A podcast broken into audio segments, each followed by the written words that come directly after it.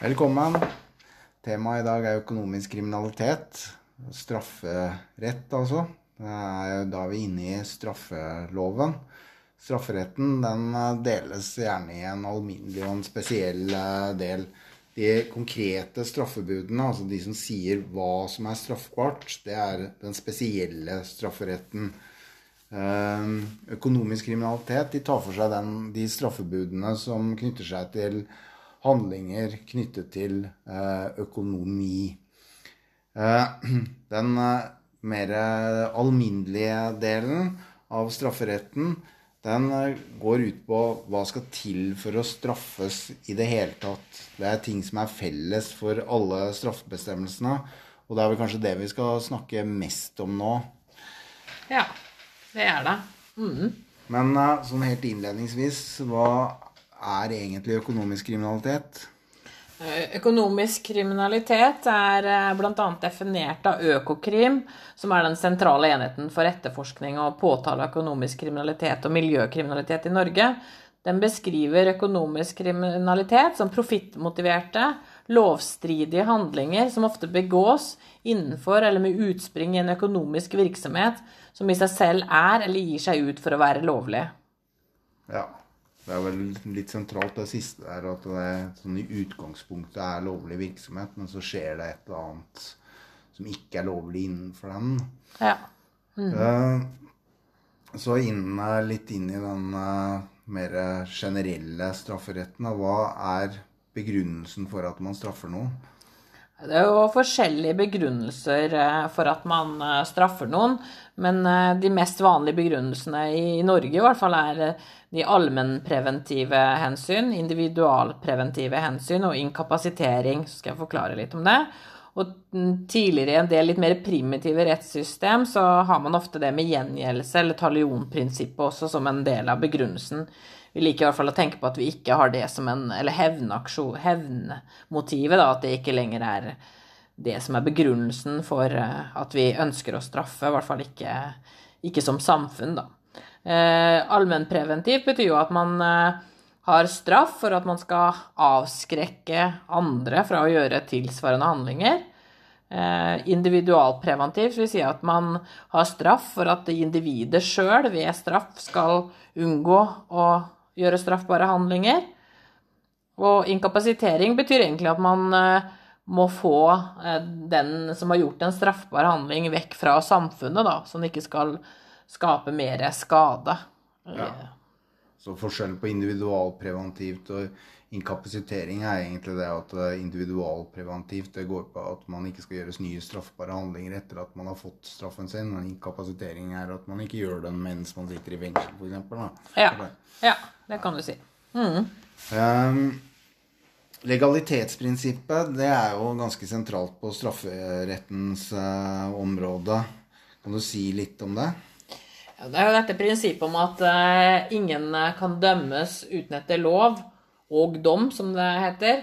Uh, og det at man ikke kan dømmes uten lov, det følger av Grunnlovens uh, 96 til og med. Så det er jo da lovfestet i Grunnloven. Um, og at man sier at det står sterkt på strafferettens område, er at det, at det er sånn at straffebudene at det må være ganske opplagt at det kommer inn under straffebudene for at man skal kunne straffes. Man driver ikke med analogiske og utvidende tolkninger på strafferettens område. Så, så, så det, er, det, er, vel det man mener da når man sier at legalitetsprinsippet står spesielt sterkt på strafferettens område. Um,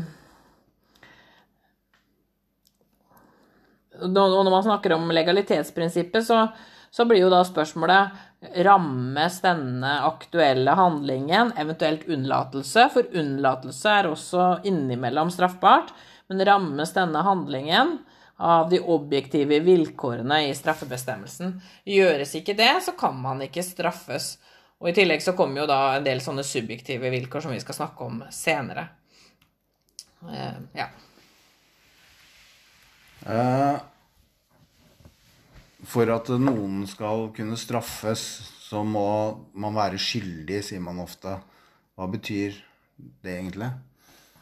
du kan si at For at noen skal, kunne straffes, som du sier, da, så må man ha utvist en skyld.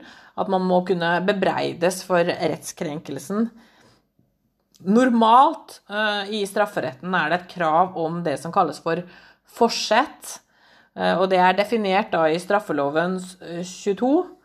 Og hvis jeg skal forklare det, så er det en skyldform som foreligger når den som utfører en handling, gjør det bevisst eller har hatt vilje til å foreta handlingen. Og så er det jo forskjellige grader av forsett også. Eh, og den mildeste formen for forsett er det som kalles for dolus eller eventualis. Som jeg skal forklare litt senere. Men det første er det at man har eh, det som kalles for hensiktsforsett. At handlingen var tilsiktet. Det var Poenget med handlingen var at man skulle gjøre noe straffbart. Eller det som kalles for sannsynlighetsforsett. At der eh, gjerningsmannen da har regnet det som sikkert eller overveiende sannsynlig at en uønsket følge ville oppstå som følge av handlingen. Og så har vi da dette dolus eventualis, at man, eh, at man, holder følgen som mulig, men ikke at det er overveiende sannsynlig, men allikevel bestemmer seg for å gjennomføre handlingen selv om følgen eventuelt skulle inntre. Så her den laveste formen for skyld da, i, i, forhold til et forsett, den ligner jo altså er grensegang mot uh, det som kalles for uaktsomhet. Og i en del straffebestemmelser i dag så er det også sånn at man kan straffes for uaktsom handling. Men hovedregelen er altså forsett i, i straffeloven. Hvis det ikke står noe, så er det forsett som er skyldkravet. Eh, og Eh, med uaktsomhet så mener man rett og slett at man har opptrådt i strid med hva en alminnelig fornuftig person ville gjort i en tilsvarende eh, situasjon. Og man skiller ofte mellom det som kalles for vanlig eh, uaktsomhet og grov uaktsomhet. Og i grov uaktsomhet så kreves det et markert avvik mellom den utviste atferden og en atferd som objektivt sett da, kan betegnes som forsvarlig. Og her er det jo mye skjønn, som dere sikkert eh, skjønner og hører. Så det kan være vanskelig. Begrepet uaktsomhet er også definert i straffeloven, og den er definert i straffelovens 23. Altså forsett er eh, definert i straffeloven 22, og uaktsomhet er definert i straffeloven 23. Noen straffebestemmelser, straffebud, da, krever også en spesiell hensikt. Altså eh, vinnings hensikt, og det er jo typisk for en del av disse økonomiske forbrytelsene, krever også at du har hatt vinning som mål da, med, med den handlingen du utfører, for at det skulle kunne være straffbart. Nettopp. Så for at du skal straffe, så må det på en måte være et eller annet som kan bebreides deg, i hvert fall. Ja, det er helt klart. Mm. Men uh, den som blir utsatt for den straffe... Eller må det være sånn at den som blir utsatt for den straffbare handlingen, ønsker at gjerningspersonen straffes? Eller eh, kan vedkommende straffes uavhengig av at, eh, at den som handlingen går utover, mener at eh, han bør straffes? I, I, norsk rett så er det sånn at i utgangspunktet så er det offentlig påtale. Dvs. Si at påtalemyndigheten kan reise straffesak da uavhengig av om det foreligger noe begjæring fra fornærmede. Eh, og disse reglene om offentlig påtale de følger av straffeprosessloven. Straffeprosessloven har jo da regler om hvordan man går fram i en straffesak, da, hvordan prosessen i en straffesak eh, som domstolene må forholde seg til når de skal, eh, skal ha, ha, en straffesak. Da. Og det med offentlig påtale det står i straffeprosessloven 62a. Ja. Er det sånn at man i noen tilfeller kan slippe straff selv om man har brutt det som står i et uh, straffebud? Ja, det er det, men mange av dem er kanskje ikke så veldig anvendelige akkurat på dette området vi skal snakke om, det som går på økonomisk kriminalitet, kanskje. Eh, men vi har da bestemmelser om nødverge i straffelovens 18, nødrett i straffelovens 17 og selvtekt i straffelovens 19. Og i visse tilfeller da, så kan man, hvis man er i en at man for å verne seg selv eller sine, så vil man i en viss tilfelle kunne f.eks. Eh, beskytte seg da, mot, eh, mot, noe og kunne risikere å gjøre da en straffbar handling sjøl. Eh, men da, blir man straffefri, da. eh, har eksempler fra eh, Ja. Nødverge. Mye vold og sånt. da. Hvis det kommer Ja. noen og skal drepe deg, så har du lov til å forsvare deg. ja.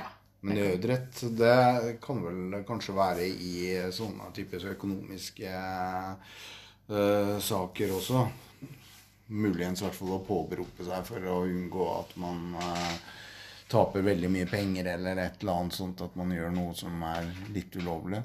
Ja, ja kanskje, kanskje man kan nå gjennom det. Selvtekt er jo sjelden at man når fram med som argumentasjon uansett, da. Ja.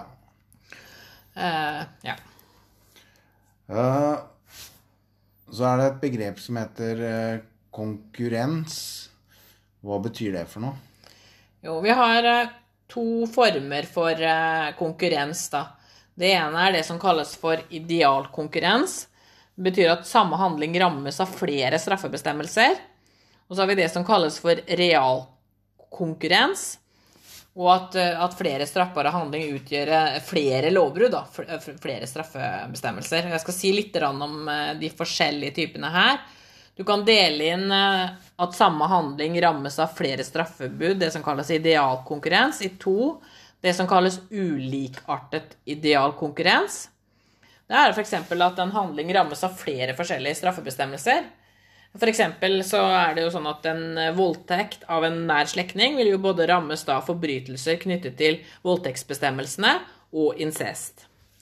Eller så har vi sånn at det likeartede idealkonkurrens er at eh, det forholdet at samme straffebud blir overtrådt flere ganger ved en handling, f.eks. Når, når et skudd da for dreper flere personer.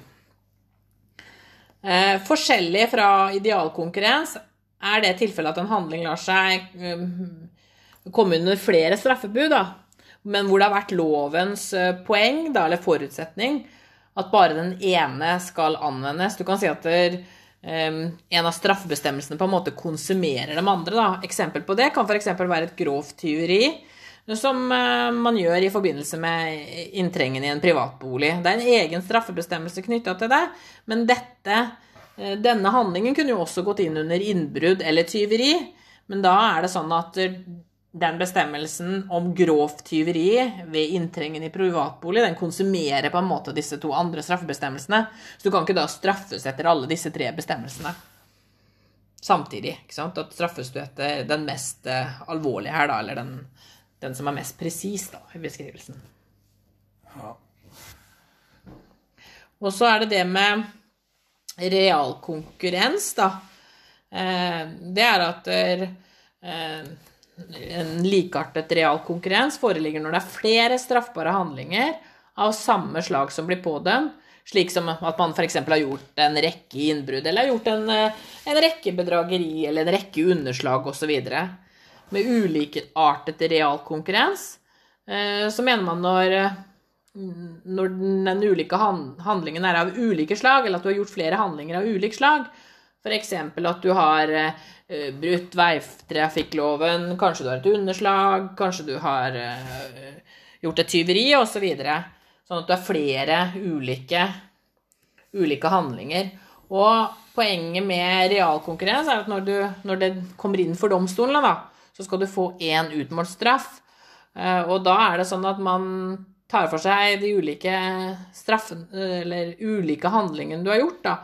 Og da må straffen være høyere enn den høyeste, høyeste lavmål for straff som gjelder for noen av straffebudene. Men ikke høyere da enn det dobbelte av maksimalstraff, som, som det strengeste straffebudet gir. Ja. Ja. Hvis man skal gjøre noe straffbart, så kan det lønne seg å gjøre det i litt rask rekkefølge, så blir pådømt samtidig. da. Ja, det kan nesten si det sånn. Men nå skal vi ikke vi oppfordre til eh, kriminalitet. Eh, ja, nå har vi snakket veldig sånn eh, om den all, mye om den alminnelige strafferetten. ja. Eh, men litt nå inn på den spesielle rundt dette økonomisk kriminalitet. Det kan kanskje være vanskelig å gå igjennom nå alle de konkrete straffebudene, men hvordan råder du studentene til å få innsikt i dette? Ja, du, som, som du sier nå, så er det vanskelig på en sann type undervisning som vi har nå, å, gå gjennom de konkrete straffebudene som dere skal kunne. Men dere ser også på forelesningsdisposisjonen, på den siste, så har jeg nevnt av hvilke bestemmelser dere må se mer på. Og det er jo da i hovedsak kapittel 30 i straffeloven eh, dere skal konsentrere dere om, og så er det noen andre eh, lover som også har straffebud, som dere må se litt på. Eh, men dere bør lese da særlig fra side 692 i læreboka om de ulike straffebudene. Eh, og hvis dere på eksamen Eh, får oppgave knyttet til økonomisk kriminalitet, da, så må dere starte med å finne de relevante straffebestemmelsene. Start med å finne relevant straffebud. Og er det flere straffebestemmelser som dekker handlingen, er det liksom flere som kan passe, så må dere jo da gå inn og vurdere det vi snakket om over det med konkurrens. Må dere vurdere om det er konkurrenstilfelle her. Eller er det f.eks. at et strengere straffebud konsumerer noen av de andre? Så da må dere gå inn og vurdere det. Altså Start med å finne relevant straffebestemmelse. Og se deretter om de alminnelige vilkårene for straff foreligger. F.eks. For foreligger det skyldevne? Er det ingen straffefrihetsgrunn her, osv.? Så, videre? så dere må altså se om de alminnelige vilkårene for straff foreligger etter at dere har funnet straffebudet. Og så drøfter dere de ulike vilkårene i gjerningsbeskrivelsen opp mot det faktumet som dere har fått presentert. Og så anbefaler jeg dere nå helt til slutt da, å øve dere på den oppgaven eh, som er lagt ut i økonomisk kriminalitet. Det er lagt ut veiledning til den, men ikke se på veiledningen da, før dere har prøvd å løse den sjøl. Det tror jeg må være en god plan. Høres ut som en helt glimrende plan. Ja. Da sier vi god kveld. Lykke til.